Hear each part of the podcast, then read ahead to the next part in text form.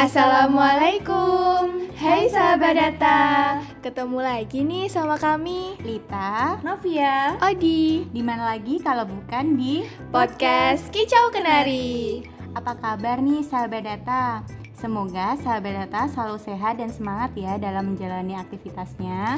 Kali ini bahasan podcast kita sederhana tapi ngena banget nih Bisa lah kalau dengerin podcast kali ini ditemani secangkir teh hangat sambil menikmati cemilan Oke, langsung saja ya. Kali ini kita mau bahas tentang indeks kebahagiaan. Sebelumnya bicara soal bahagia, menurut kalian apa sih definisi bahagia itu? Hmm, menurutku bahagia itu ketika apa yang diimpikan dan diharapkan dapat terwujud sesuai dengan rencana. Kalau aku bahagia adalah pilihan Singkat sekali ya. Iya dong, kita itu selalu bisa memilih untuk merasakan apa yang ingin kita rasakan. Dan bahagia itu pilihan. Kalau kita menempatkan standar bahagia pada orang lain, kebahagiaan kita akan bergantung pada bagaimana orang itu memperlakukan kita. Kalau kita menempatkan standar bahagia terlalu tinggi, kita juga akan susah untuk bahagia. Jadi ya, kalau bisa bahagia itu sederhana aja. Kalau kamu, apa definisi bahagia menurut kamu? Kalau aku naik motor sambil nyanyi-nyanyi juga udah bahagia kok. Wah, ternyata arti bahagia itu sangat kompleks ya dan maknanya pun sangat bervariasi per individunya. Kalian tahu nggak kalau BPS itu bisa ngukur tingkat bahagia dan ditunjukkan dengan indeks kebahagiaan? Mungkin ada yang bingung dan bertanya-tanya nih, apa iya BPS bisa mengukur kebahagiaan? Bisa dong. Istilah kebahagiaan menurut BPS mengacu pada penggunaan instrumen survei yang telah dikembangkan berdasarkan ukuran kondisi objektif dan tingkat kesejahteraan subjektif. Yang dalam konteks kebahagiaan yang dicakup dalam tiga dimensi besar, yaitu yang pertama, evaluasi terhadap 10 domain kehidupan manusia yang dianggap esensial atau penting oleh sebagian besar penduduk. Yang kedua, efek atau perasaan atau kondisi emosional. Dan ketiga, euda imonia atau makna hidup. Dengan demikian, istilah kebahagiaan yang dimaksud merupakan pengganti terhadap istilah kesejahteraan subjektif karena semua indikator yang digunakan untuk menyusun indeks komposit merupakan ukuran tingkat kepuasan yang dinilai secara subjektif oleh penduduk berdasarkan hasil evaluasi terhadap kondisi objektif atau aktual mencakup 10 domain kehidupan, perasaan, dan makna hidup. Indikator kebahagiaan ini diperlukan sebagai bahan pertimbangan dan pengambilan keputusan terkait kebijakan publik dan pembangunan nasional, yang tentunya didasarkan pada konsep kebahagiaan dalam arti atau evaluasi penduduk terhadap kondisi objektif kehidupannya, bukan secara subjektif dari kondisi psikologi berupa emosi atau perasaan yang sifatnya berubah-ubah menurut waktu dan keadaan. Pengukuran mengenai kebahagiaan ini dilakukan oleh BPS melalui survei pengukuran tingkat kebahagiaan atau SPTK. Pada tahun 2012, uji coba SPTK dilakukan sebanyak dua kali dengan tujuan untuk perbaikan dan uji coba instrumennya. Uji coba dilakukan kembali pada tahun 2013 dengan estimasi nasional dan pada tahun 2014 survei dilaksanakan dengan level estimasi provinsi. Perkembangan berikutnya yaitu pada tahun 2017 dimensi kebahagiaan berkembang menjadi tiga dimensi seiring dengan perkembangan framework kebahagiaan di dunia internasional. Dan yang paling terbaru yaitu pada tahun 2021, indeks kebahagiaan dalam SPTK diukur dengan tolak ukur tahun 2017. Indeks kebahagiaan dilihat keterbandingannya antar waktu dari 2017 dan 2021. Sebelumnya telah dijelaskan bahwa indeks kebahagiaan diukur berdasarkan tiga dimensi, yaitu kepuasan hidup, perasaan, dan makna hidup. Nah, pada setiap dimensi terdapat indikator-indikator penyusunnya. Khusus dimensi kepuasan hidup dibagi lagi menjadi dua subdimensi, yaitu kepuasan hidup personal dengan indikator pendidikan dan keterampilan, pekerjaan, pendapatan rumah tangga, kesehatan, dan kondisi rumah.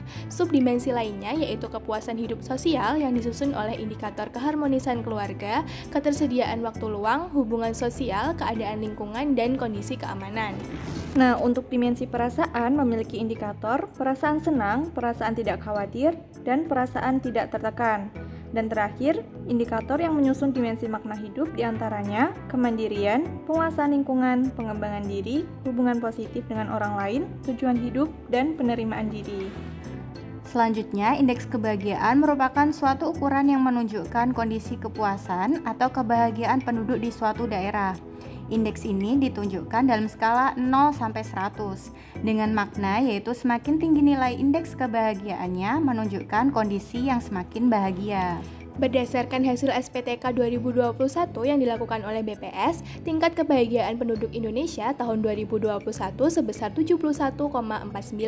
Indikator dengan indeks tertinggi adalah kepuasan terhadap keharmonisan keluarga, yaitu sebesar 82,56 dari dimensi kepuasan hidup. Sedangkan indeks indikator terendah adalah perasaan tidak khawatir atau cemas sebesar 57,91 dari dimensi perasaan.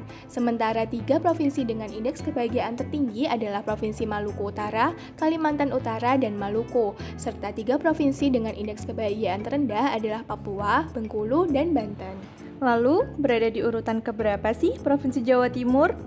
Provinsi Jawa Timur berada pada urutan 19 dengan indeks kebahagiaan sebesar 72,08 dengan komponen penyusun indeks kebahagiaan yaitu dimensi kepuasan hidup sebesar 76,07, dimensi perasaan sebesar 66,63, dan dimensi makna hidup sebesar 73,19. Seluruh indeks diukur dengan skala 0 sampai 100.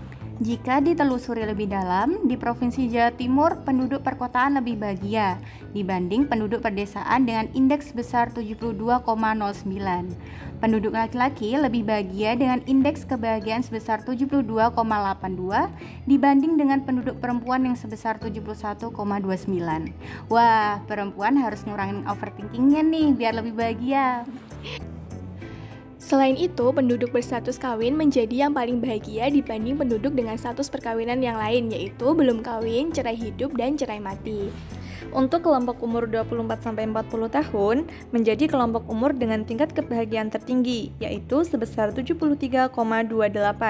Semakin banyak anggota rumah tangga dalam suatu rumah tangga, maka tingkat kebahagiaannya juga akan meningkat. Wah, seru sekali ya. Semakin rame, semakin bahagia. Selain itu juga, semakin tinggi pendapatan indeks kebahagiaannya juga akan meningkat. Ayo teman-teman, kita harus semangat bekerja dan kurangi rebahannya ya. Bagi kamu laki-laki berumur 24 sampai 40 tahun sudah menikah dan tinggal di perkotaan di Jawa Timur, kamu adalah orang yang paling bahagia menurut BPS. Setiap dimensi dan indikator dalam SPTK memiliki kontribusi terhadap indeks kebahagiaan dengan besaran yang bervariasi. Variasi nilai ini terjadi karena penduduk memberikan penilaian dengan derajat yang beragam terhadap setiap indikator dalam konteks pengukuran indeks kebahagiaannya. Besaran kontribusi suatu indikator menggambarkan derajat pentingnya indikator tersebut terhadap indeks kebahagiaan penduduk. Semakin besar kontribusi suatu indikator, maka semakin penting pula indikator tersebut bagi kebahagiaan penduduk. Dimensi yang berkontribusi terbesar adalah dimensi kepuasan hidup, yaitu sebesar 34,8%. Selanjutnya ialah dimensi makna hidup sebesar 34,02%, dan terakhir dimensi perasaan sebesar 31,18%. Untuk mengetahui besaran penimbang dari masing-masing indikator, sahabat data bisa langsung cek aja ya di publikasi Indeks Kebahagiaan yang dapat diunduh melalui website bps.go.id. Lalu, bagaimana indikator kebahagiaan ini dijadikan sebagai dasar pengambilan kebijakan dan pembangunan nasional? Hubungan kebahagiaan dengan indikator objektif hasil pembangunan perlu disandingkan untuk memastikan posisi nilai indeks kebahagiaan dengan indikator lain yang sudah digunakan sebagai capaian RPJMN seperti kemiskinan, pengangguran, hingga IPM. Nah, dari pengantar di atas pasti terbesit beberapa pertanyaan dari sahabat data kan? Seperti, apakah provinsi dengan kemiskinan tinggi memiliki tingkat kebahagiaan rendah? Atau, apakah provinsi dengan tingkat pengangguran yang rendah memiliki kebahagiaan yang tinggi? Dan pertanyaan lain mengenai hubungan kebahagiaan dengan variabel makro lainnya. Nah, jika sahabat data menyandingkan hasil pengukuran kebahagiaan dengan pembangunan makro lain, akan dapat melihat pola tertentu. Ada provinsi yang memiliki kemiskinan tinggi dan kebahagiaan rendah. Ada provinsi juga yang memiliki pengangguran rendah dan memiliki indeks kebahagiaan yang tinggi. Namun, ada juga kondisi sebaliknya, yaitu kemiskinan tinggi namun memiliki kebahagiaan yang tinggi juga. Dan untuk melihat hasilnya, sahabat data dapat menggunakan analisis tertentu seperti analisis kuadran untuk melihat korelasi atau hubungan kebahagiaan dengan masing-masing variabel makro tertentu seperti kemiskinan, pengangguran, dan juga IPM. Jadi gimana nih sahabat data? Kurang lebih udah paham kan mengenai indeks kebahagiaan yang diukur oleh BPS? Semoga bermanfaat dan sampai jumpa di podcast Kicau Kenari episode selanjutnya.